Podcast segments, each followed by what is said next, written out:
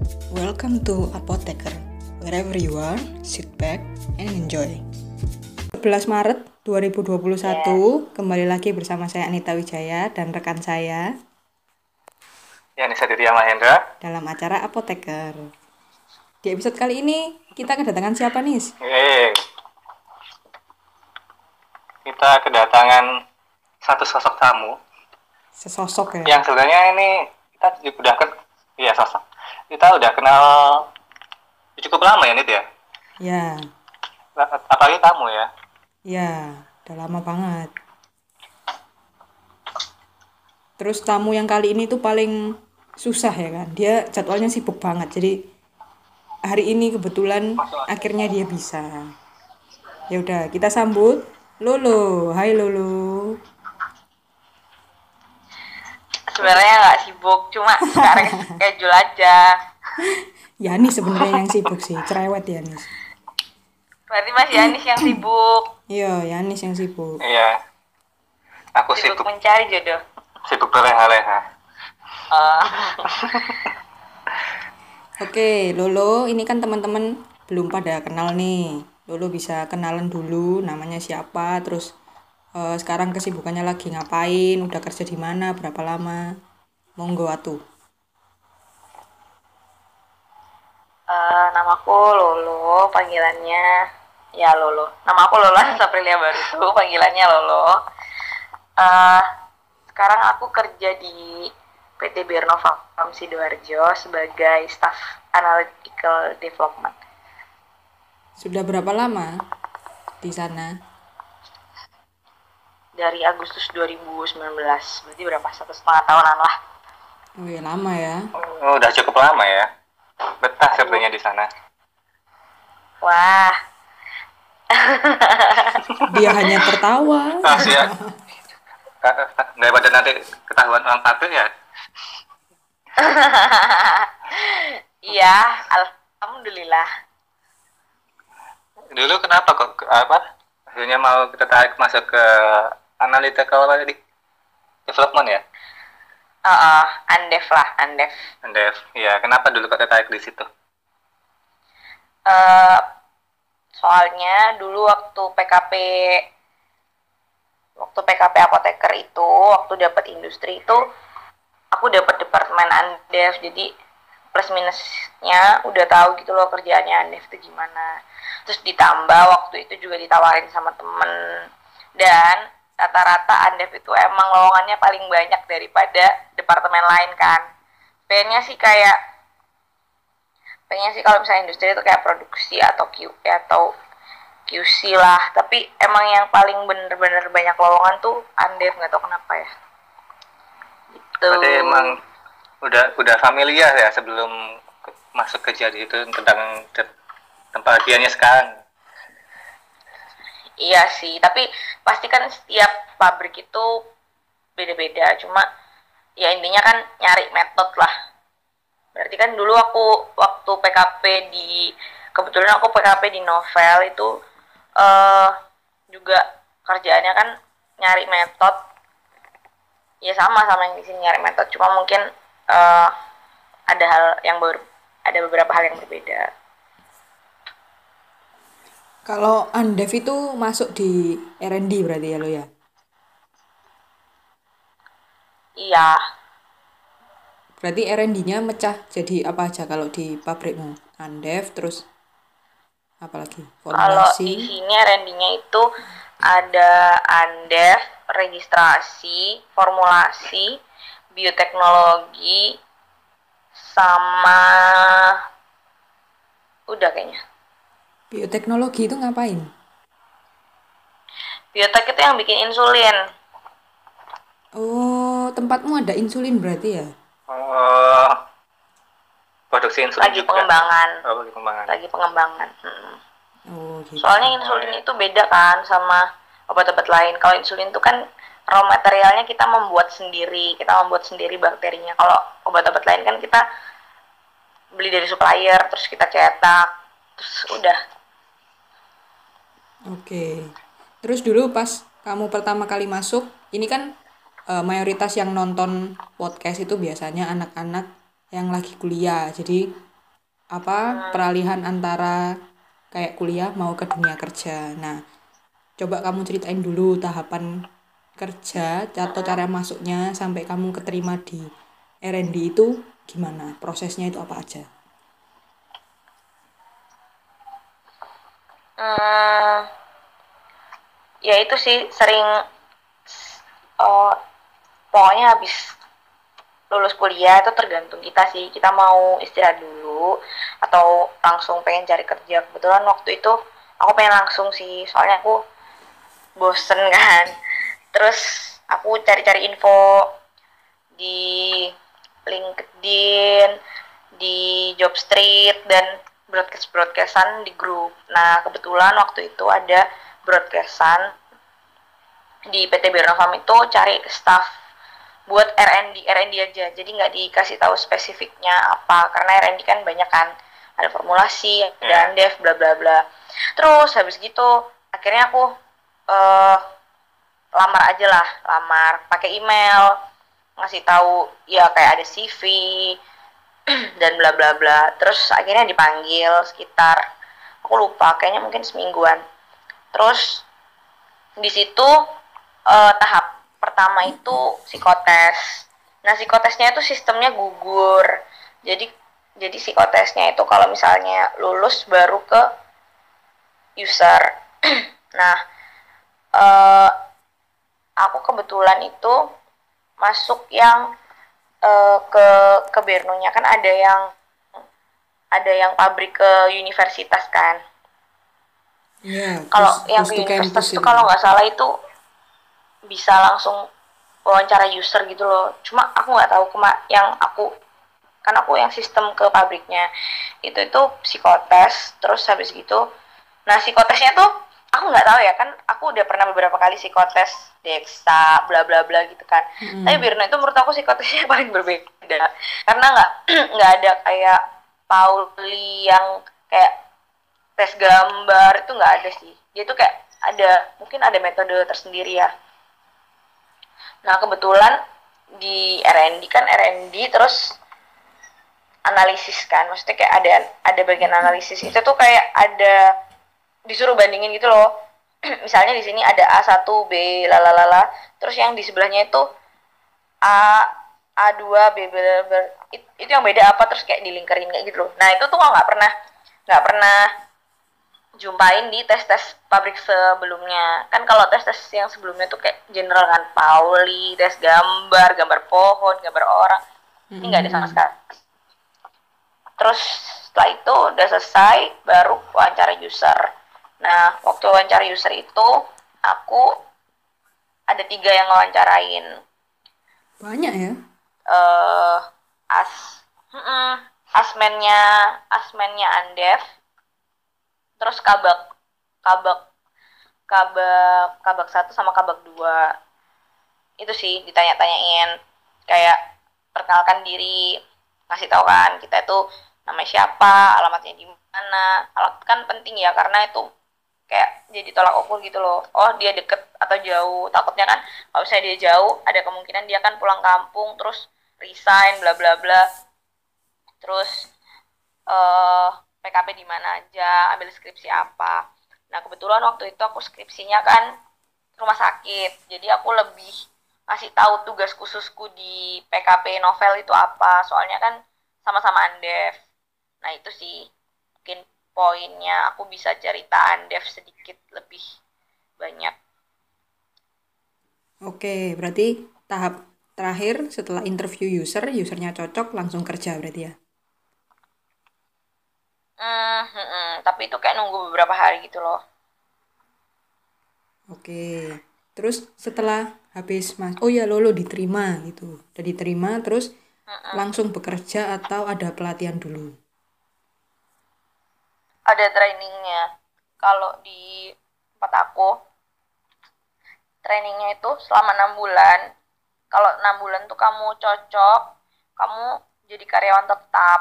Kalau untuk apoteker itu nggak outsource sih. Dia itu jadi karyawan tet- tetap. Jadi ya kayak lebih punya privilege kan. Terus eh nah selama enam bulan itu kamu misalnya nggak cocok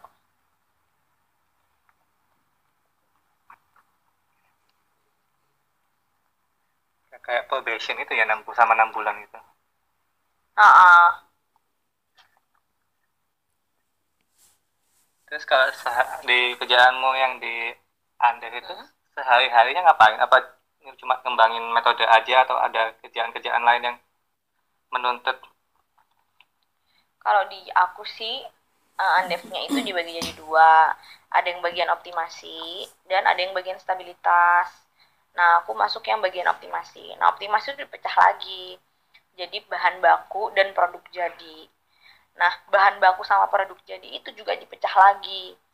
Ada bahan baku baru sama bahan baku existing. Terus yang produk jadi itu ada produk jadi baru sama produk jadi existing. Nah, aku masuk yang bahan baku dan yang existing. Gitu. Banyak ya bagiannya ya. Ha -ha, tapi kalau yang stabilitas stabilitas itu dibagi-bagi per produk. Stabilitas stabilit oh dibagi dua. Stabilitas formula sama stabilitas produksi. Formula kan berarti masih pilot scale kan.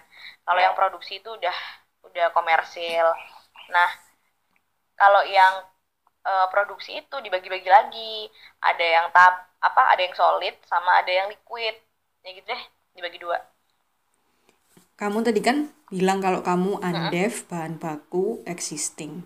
Berarti kan uh produknya itu udah eksis gitu. Sebelumnya ya uh emang udah pakai itu. Ketika kamu masuk pun uh harusnya sudah ada metodenya ya kan?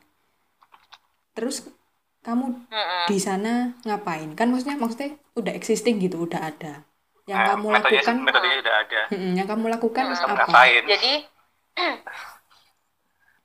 jadi kan bahan baku itu problemnya itu lebih ke ini sih. Kayak misalnya ya kita udah sering produksi obat A. Nah suatu hari uh, raw material si obat A ini di negara ini itu lockdown kita cari supplier dong tapi kondisinya obat ini atau bahan baku ini tuh udah existing Nah, second itu namanya kayak second source gitu loh. Kita yeah, nyari yeah, second okay. source mm-hmm. untuk raw material. Nah, itu kita uji lagi. Kita bandingin sama raw material yang kemarin. Kita bikin matriks perbandingan. Oke. Okay. Yang dulu sama yang baru. Kita uji kadarnya. Terus kita uji fisik yang polimorf apa bla bla bla. Terus uh, pengaruhnya ke profil disolusi. Nanti kita akan uh, kerjasama juga sama produk jadi yang existing kan kita trial kan misalnya kayak hmm. bikin tablet trial kita bandingin oh yang kemarin sama yang sekarang nih bedanya apa ya biasanya sih uh, tablet apalagi permasalahannya itu kan di disolusi mm-hmm. beda bahan baku itu bisa profil disolusinya itu beda nah ada dua mau reform reformulasi atau mau cari source lain. Mm-hmm. kayak gitu. Terus tugas tugas lainnya itu aku validasi dari ibaratnya gini lah cari metode yang awalnya existing itu dari HPLC ke UPLC jadi aku VMA juga validasi juga validasi metode itu sih. U, UPLC itu lebih apa? Lebih efisien lebih cepat lebih hemat UPLC iya lebih lebih cepat yang awalnya kita HPLC mungkin kita butuh waktu analisis 10 menit untuk satu hmm. satu file hmm. kita bisa analisa satu setengah menit sampai tiga menit untuk satu file jadi hmm, cepat ya. efisiensi waktu hmm. oke terus kalau jam kerja di tempatmu gimana pakai shift terus uh, iya pakai shift iya, atau enggak. shift. terus habis itu liburnya kapan terus fasilitas yang kamu dapat apa sama kalau boleh tahu nih gajinya berapa? Kalau kalau shift iya shift. Ada shift satu shift normal sama shift dua. Nah kalau buat apoteker itu bak bakal kena shift semuanya. Maksudnya kayak kamu bakal dapat shift satu dapat normal sama shift dua nah shift satunya itu dari jam 6 sampai jam jam jam jam jam setengah tiga. Pokoknya kita 8 jam kerja plus setengah jam untuk istirahat. Jam 6 pagi loh. terus kalau shift 2 itu jam 6 pagi. Oke. terus kalau malam itu atau shift 2 itu dari jam 2 siang sampai jam setengah 11 kalau normal sih jam setengah 8 sampai jam 4 kita udah pulang. Tapi ya tergantung. Kalau misalnya masih ada kerjaan ya belum pulang terus habis gitu apa tadi? Gaji ya? Gaji ya UMR sih. UMR terus kayak yang bedain kita sama yang lain itu adalah uang hadir kita. Jadi uang hadirnya apoteker itu menurut aku ya setelah aku lihat-lihat lebih besar ya iyalah kan kita sekolahnya lebih lama. Oke, berarti itu kalau jadi uang hadir itu itu Hmm. kayak kalau kamu nggak hadir tuh eman banget gitu loh. Oh, soalnya uang hadirmu itu kepotong Oke. Terus fasilitas apa yang didapat pas kamu kerja di sana? Em, mobil Waduh. Siapa, siapa tahu kan ya Enggak. Itu sih fasilitas ada fasilitas bis buat kayak yang rumahnya di, di, di Surabaya nanti dijemput di Surabaya buat ke sidoarjo. Cuma kan aku sidoarjo kan jadi aku nggak dapet fasilitas itu. Terus buat yang apoteker kalau misalnya dia nge-shift itu dapat antar jemput. Jadi kalau misalnya shift malam itu aku selalu dijemput. Kalau normal ya enggak ya. Dijemput sama? Terus sama driver Bis. dari Birnonya. Terus Enggak di, mobil. diantar ke Emang kos. enak ya Ke kos, Oh. diantar jemput kos. Enak ya? enak ya ya sawang sinawang sih Iya, iya. Terus fasilitas lain itu ya BPJS lah BPJS standar lah BPJS terus aku dapat AIA juga. Cuma belum tak pakai.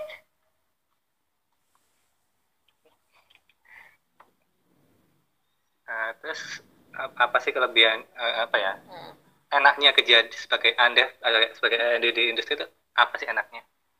Daripada yang lain mungkin bisa dibandingkan hmm, aku nggak bisa bandingin ya soalnya aku Hmm. juga nggak pernah kan ke yang lain Hmm. cuma cuma eh, mungkin hmm, senangnya itu bisa belajar hal, ba- hal baru yang kayak nggak pernah kita bayangkan selama di kuliah kita bisa ngerti oh ternyata kita belajar ini tuh outputnya ini gitu kan cuma minusnya tuh belajar terus kayak Oh, itu Kayak- minus ya? itu minus ya? Ya itu weakness lah. Tapi plusnya kan kita jadi lebih tahu. Ternyata ini ini ini. Terus selain belajar terus itu kayaknya bukan minus sih. Masa nggak ada yang minus yang lain gitu? Minusnya eh, atau ya emang enak terus aja kerja di situ? Ya yang enggak lah pasti ada minusnya. Minusnya tuh lebih ke personal sih. Personal branding. Ya itu masalah di semua tempat ya Nit, kayaknya. Iya, ya di semua kan tempat. semuanya lah pasti ada. Kayak kayak lingkungan lingkungan kerja. Itu kan juga menentukan performance kita kan selama kita kerja. Itulah. Oke. Terus eh sekolah sekolah apoteker kan lima tahun tuh. Dari lima tahun itu pelajaran di kuliah apa yang kamu rasa paling dibutuhkan ketika kerja sebagai andef? ini sih kimia analisis sama Anfar kimia analisis 1 sama 2 Anfar 1 sama 2 sama hmm, sih pokoknya yang kimia farmasi lah. Berarti menurut itu aku ya yang ke penting-penting. Apalagi yang instrumen. instrumen berarti ya. Instrumen terus preparasi, terus itu Mm-mm, kali ya. itu penting Kalau farmasetika kurang ya, itu mungkin di formulasi kali ya. sebenarnya di farmasetika itu juga ada hubungannya kan kita. Jadi kalau misalnya di farmasetika kan ada yang parameter-parameter yang kayak moisture content, output density. Itu juga sebenarnya kita uji apalagi kalau bahan baku ya. Karena itu berhubungan nanti sama upscale Mm-mm. soalnya formulasi sama Andef itu kayak berhubungan gitu loh formulasi bikin terus kayak Mm-mm. kita uji saling Oke, oke. berkaitan itu ya Mm-mm. terus apa selama kamu pikir di sana ada ada apa ya kayak kejadian lucu gitu misalnya atau ada drama-drama yang pernah kamu alami. Apa yang sampai sekarang masih terngiang di kepalamu? Bisa, mungkin bisa ceritakan. Hmm, drama. Apa ya? Soalnya semua tempat kan punya dramanya ini ya. Iya. coba coba. Dia Mbak Masnya cerita di drama Dianis sama di tempat kerjanya gimana biar aku punya bayangan Dianis drama gimana. Korea, Dianis. kenapa Di tempat Dianis drama Korea. maksudnya di tempatmu drama Cina abaikan abaikan Apa ya? Kalau kalau dulu Apa pas ya? pas aku di rumah sakit itu eh oh ya, lulu dulu wis. Enggak kamu kamu dulu aja Ya wis, kalau dulu aku di rumah sakit itu dramanya paling sering misalnya obat kosong. Terus dokternya protes ya kan. Kok kosong sih? Terus ketika diganti rewel kayak gitu-gitu. Terus pasien komplain. Komplainnya kan macam-macam tuh. Ada yang pernah sampai mau dimasukin koran lah. Apalah aneh-aneh pokoknya. Itu drama Hmm, di rumah sakit. Kalau di industri kalau dramanya kerja di rumah sakit mungkin dramanya mungkin kalau di rumah sakit itu dramanya sama ini kali ya kayak kayak pasien dokternya gitu kan. Mm, karena kan banyak ketemu manusia ya kan. Terus juga yang ah dinilai, banyak ketemu sama orang. Mm-mm, yang nah kalau di industri itu kita tuh ketemunya sama itu itu aja. Tapi pasti ada drama kan. hmm, kayaknya di sana drama hidupnya lo ya. Nggak sampai bingung nggak ada drama dramanya itu paling lebih ke personal sih. Kayak misalnya kita dimarahin terus kita aduh aku harus gimana sih supaya bener kayak gitu gitu sih. Lebih ke oh iya ada drama juga sih. Kayak tapi ini juga lagi-lagi personal sih sama supplier. Nggak Oke. bisa nyebutin juga kan. Pokoknya dia molor banget lah. Terus jadinya kan kita yang ditekan sama yang di atas kan. Mm. Terus supplier marah-marah. Nah itu tuh. Terus aku kena. Hah, kesel banget lah pokoknya. Itu sih salah satu drama yang eh sampai sekarang kayak supplier marah-marah.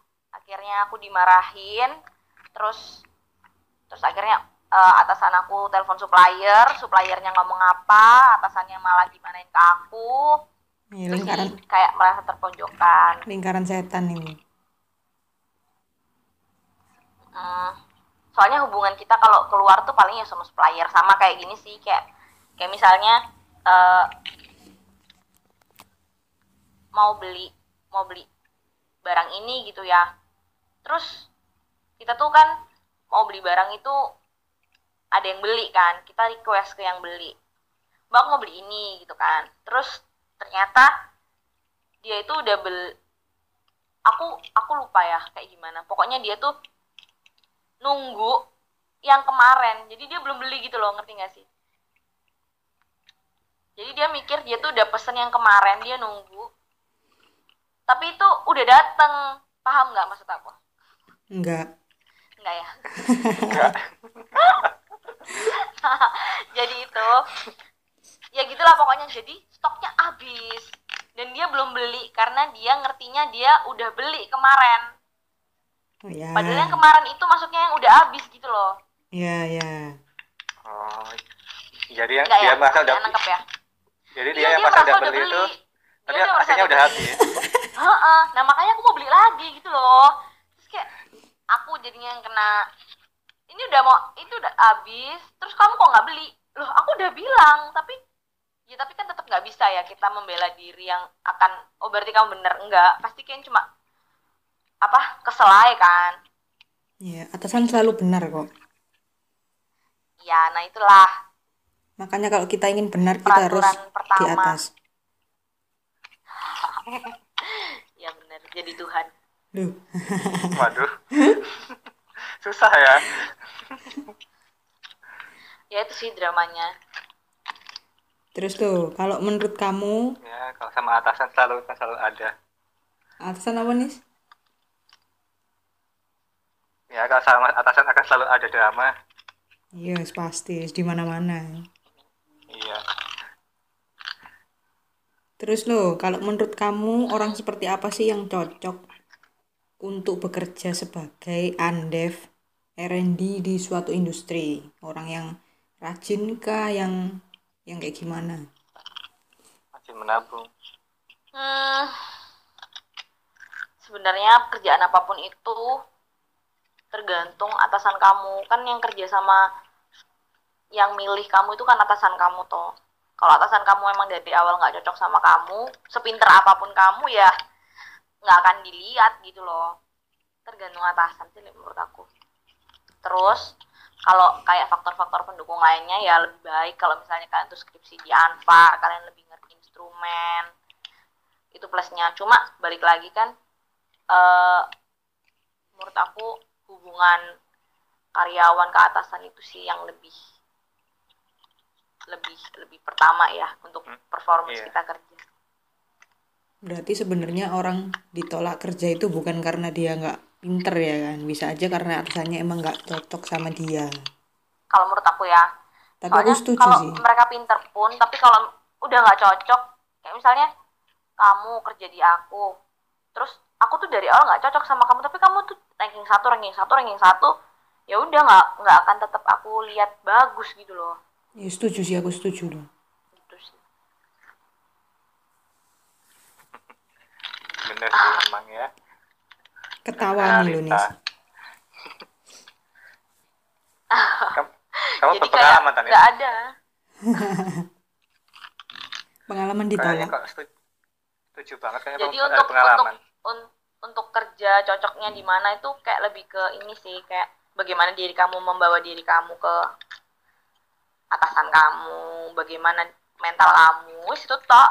Kayak kayak skill-skill lain itu ngikut. Karena kan aku juga ada Iya. training kan. Nggak Hmm. langsung jeret aku bisa. Nggak mungkin. Iya. Pasti belajar dulu ya dari awalnya ya. Yang penting gimana interpersonalnya aja Kalau nemu atasan yang tapi training hah? kalau nemu atasan yang enak diajak kerjasama itu enak kok kerjanya.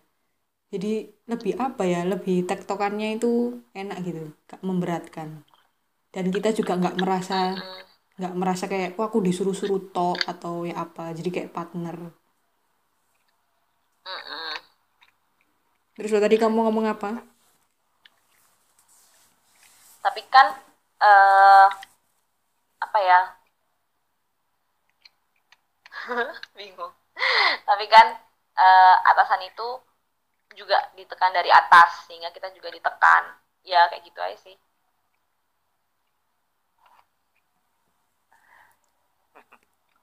Tingkalan setan.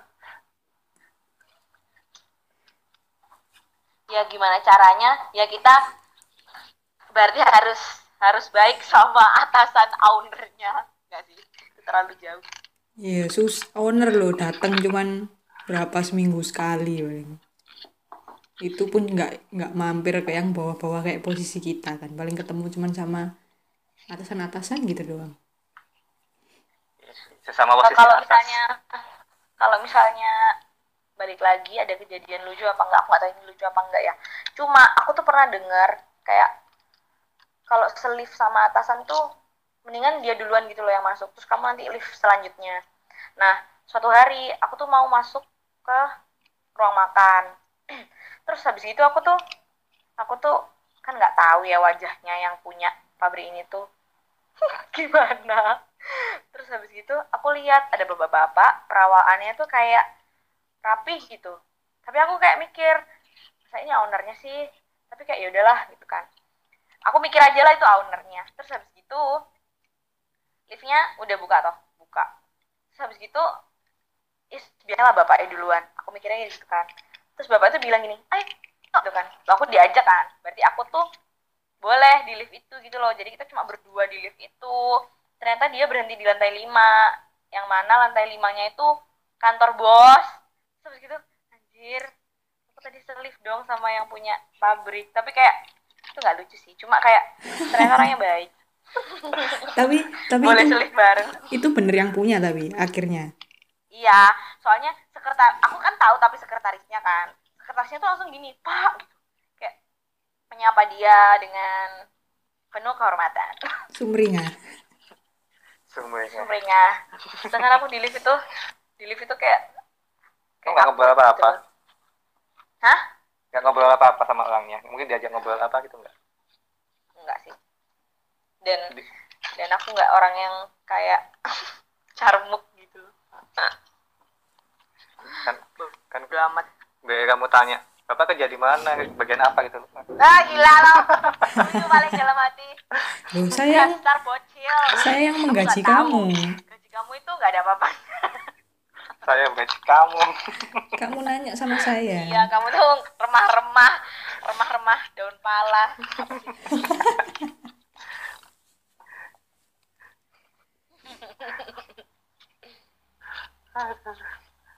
terus ada aneh nggak? Pesan-pesan nggak buat tem- teman-teman yang mungkin lagi dengerin podcast ini? Yang mungkin lagi galau mau ngambil mau masuk ke anda mau masuk ke R&D mau masuk ke industri ada ada pesan-pesan nggak? Ada mungkin ah, yang kamu Hmm. jalan sama ini. Lo lo lagi nyamil ya? Enggak oh enggak Mas Yani sekali yang nyamil kayak ada kecap-kecap enggak ayo Kok wes kayak ngecap-ngecap ya. Tapi aku nggak nyamil sungguhan. Oke. Pesan-pesan eh, kalian mau langsung kerja monggo. Kalian mau istirahat dulu monggo. Nggak ada yang salah. Yang ada tuh nyesel. Aku nyesel sih. Kayak aku nggak aku nggak istirahat dulu. Sumpah. Kayak duh nyesel. Tapi ya udah itu balik pilihan sudah terlanjur sudah tercebur mau gimana? Terus eh, kalian kalau salah dalam memilih pekerjaan di awal itu it's okay itu nggak apa-apa. Misalnya kayak aku udah kecemplung di apa adalah skripsi rumah sakit tapi aku kecemplung di sini. Ya nggak apa-apa kan kamu bisa keluar kalau bisa. Kamu merasa kamu merasa pekerjaan saat ini salah? nggak tahu. Cuma kayak di luar di luar cita-cita. Kayak di luar cita-cita. Cuma ya nggak ada yang tahu kan. Terus habis itu kalau misalnya kamu nggak cocok kamu bisa keluar. Aku punya teman yang dia awalnya di apotek terus habis gitu dia resign ke rumah sakit. Terus habis gitu sekarang dia di industri. Apa nggak apa udah nggak kayak PKP lagi kan aku tuh udah bilang sama dia kamu kayak PKP lagi pe. Temen yang di rumah sakit terus ke industri kayaknya aku kenal deh. Nah. Terus habis itu ya nggak apa-apa kalau misalnya kalian salah kan tinggal resign. Kalau bisa kalau nggak bisa ya udah kayaknya itu kamu harus punya strategi titik mati lain. saja. Kayak di Iya, kerangkeng ya. berpikir strategi lain. Apakah aku harus menikah? Apakah aku harus punya anak apakah aku harus apakah aku harus pura-pura kecelakaan? Idenya idenya liar ya? Tidak untuk ditiru di rumah ya? Iya. Apakah aku harus pura-pura buntung? Hehe ngawur tapi tapi aku setuju. ya karena tapi aku setuju dengan yang Lulu katakan. Kalau misalnya kan emang kita fresh grade Apa? ya kan? Aku setuju dengan yang kamu katakan lo kita kan emang fresh grade tau. Jadi kalau misalnya kamu ngira kamu salah masuk pekerjaan ya nggak popo itu wajar. Karena kamu baru pertama kali bekerja. Ya kan? Jadi udah salah ya wajar karena baru pertama kali. Yaitu bisa resign kalau bisa ya kan? Kalau bisa itu bold italic underline. Kalau bisa. Bold italic underline fontnya 48 72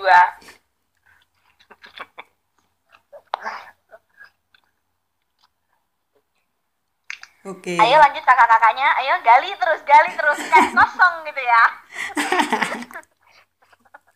Sampai make ya.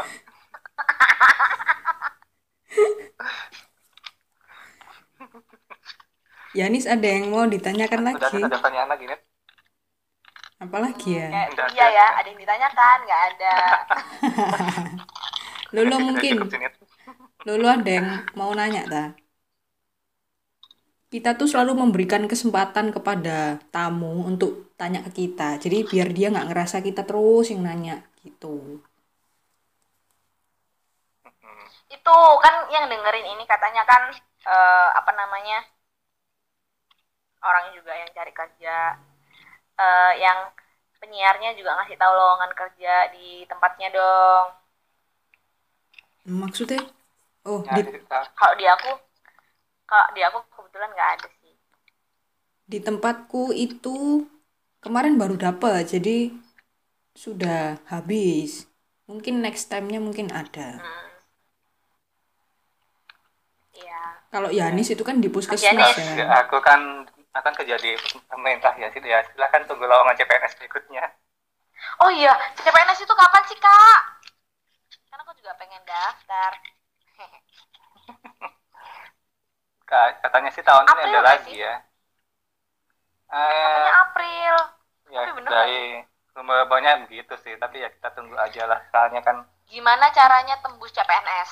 Kita harus belajar apa? Nah, kamu kita harus harus kamu harus harus belajar psikotes yang kayak gimana. Kita harus sesehat apa? kamu kita pernah harus bahas itu ya itu ya. kamu harus Kita tonton sudah pernah bahas itu. nah, kamu harus tonton Kita- kamu podcast harus mendengarkan podcast kita dari awal. Episode 1 Bisa di sini aja nggak sih? Yang ef- yang efisien gitu loh. Satu video kita bisa dapat banyak ilmu. masalahnya ini udah panjang orang orang mau nge-slide ke belakang juga susah kamu harus denger podcast yang pertama loh biar kamu Ya penasaran Jadi dulu. kasih Ya singkatnya sih kalau kalau psikotes kan aneh sih kayak kamu belajar di TPA aja itu sudah cukup cukup lah untuk apa namanya tes awalnya. TPA itu karena ka- yang untuk yang lain ya TPA-nya kalau untuk tes kepribadian itu kan nggak ada cara belajar. Terus kalau yang tes kewawasan negara itu ya itu udah benar-benar tentang negara itu. Kamu ngapalin undang-undang mudah Kita tes kesehatannya apa aja? Kayak tes, kesehatan mental loh tes Iya, itu juga nggak? Ada tes kesehatan rohani rohani rohani tes kesehatan Itu jasmani, gimana? kesehatan- Kayak kayak dicek apa rohaninya kita? Kayak di rukiah.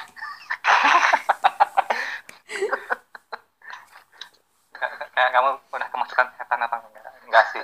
Itu lebih kayak kayak ke dokter jiwa. Kamu nanti kasih tergantung metodenya ya. Kalau metode itu yang aku pernah ikut itu ada berapa soal? 400 soal kalau nggak salah. Itu udah waktu berapa jam? Oh, kamu nanti ada pilihan-pilihan kalau kalau apa ada kejadian ini apa yang akan kamu lakukan gitu ada kayak Oh. ka- ka- kamu apakah kamu pernah merasa ingin kabur dari rumah ada pilihannya pernah tidak pernah pernah pernah oh. ya semacam dia akan tes psikopat gitu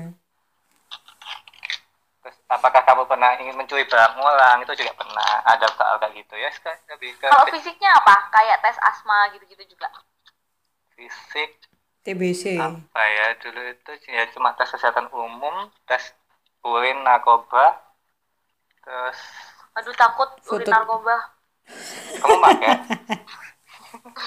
Siapa tahu pernah menghirup kan kita nggak tahu.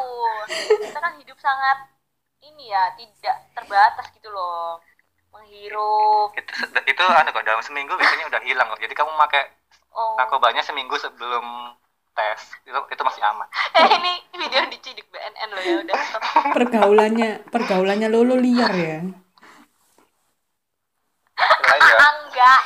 Enggak yo ngawur. Kan BE terhirup tramadol, terhirup itu kan nggak tahu. tramadol nggak masuk di tes. Oh enggak lah. Goblok. Siapa tahu menghirup menghirup ganja tiba-tiba ada ganja bertaburan habis anak-anak ah. botani farmasi kan nggak tahu. Itu udah berapa tahun yang lalu.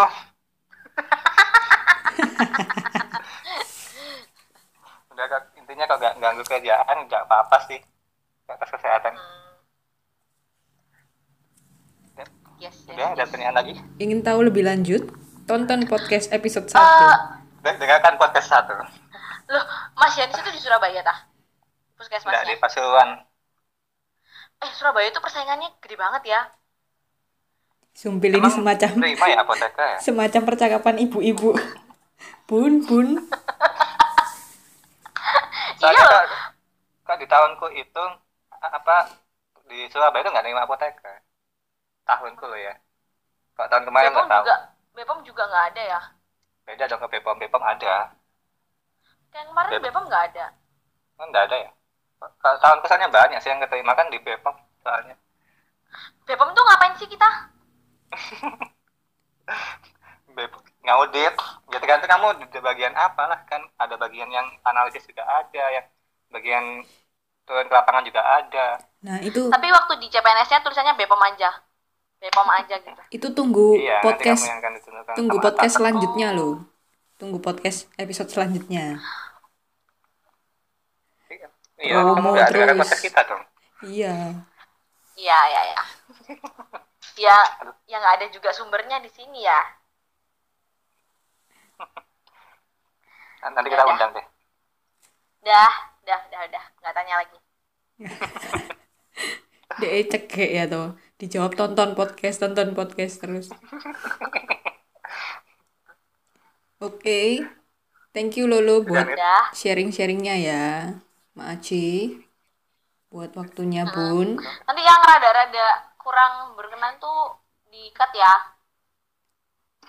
Kayak mungkin ada apa ya, ada UU ITE di situ kan. Di-cut. Aku nggak mau ya. Napi UU ITE nggak berkelas gitu loh. Nggak ada juga yang matiin sampai segitunya. Ya, siapa tahu kan. Siapa viral. Waduh. Ya wis. Oke, thank you ya guys. Thank you Yanis, thank you Lulu. Sukses terus ya guys. Ya, terima kasih Lolo, sukses. Iya, dadah. Bye bye.